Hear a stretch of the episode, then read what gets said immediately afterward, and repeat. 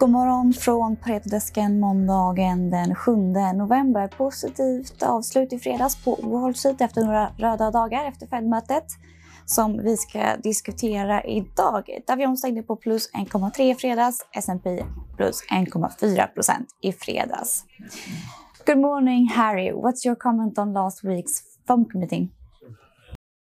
Yeah, well, I think it was more of the same from from Powell in the sense that he's having a whatever it takes moment with respect to fighting inflation, uh, tightening up monetary policy, and you know we we describe it as Volcker religion, and it's this idea that the Fed will will, will currently wants to kill inflation at all costs, and, and of course the main cost is going to be um, a U.S. recession, which is what Volcker was doing in the early 80s. So it's super tight monetary policy. They're laser focused on killing inflation. Unemployment is low, so they have cover to do that. They're not really being tested. It's a reasonably straightforward policy choice. And I thought his language was was very hawkish.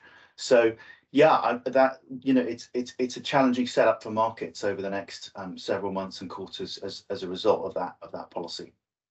And the markets read the press release uh, less hawkish and uh, traded up, but fell back later again during uh, Powell's speech.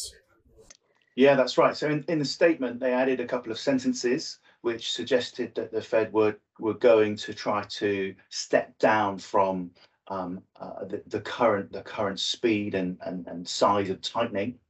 Um, and then as the press conference started, Powell um, was was pretty clear that uh, that that there that it was not time for a pause. He he he said that.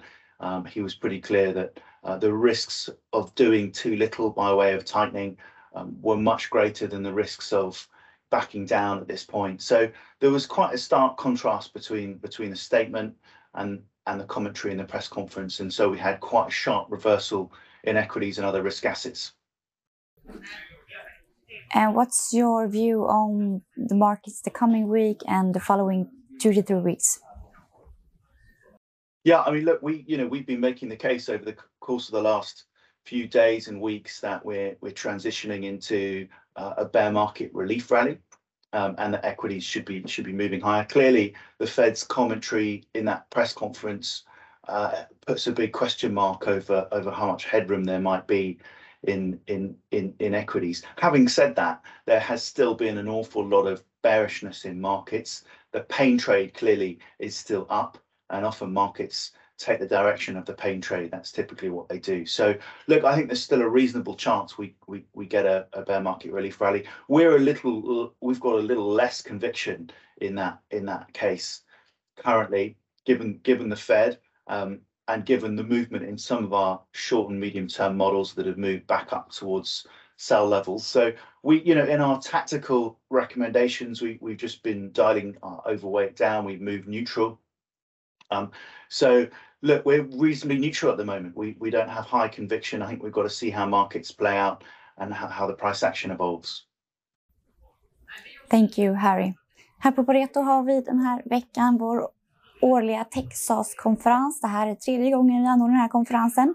Den 9 november, alltså på onsdag, så bjuder vi in våra kunder att lyssna på många spännande techbolag och vi har även paneldebatter med bland annat Microsoft och Salesforce. Så det blir intressant att höra hur de här techbolagen ser på kommande år och Eh, det här året som har varit. Det har inte varit jättelätt för techbolagen. Så är man kund så tycker jag absolut att man ska höra av sig till någon av oss och se om det finns platser kvar. Tack så mycket.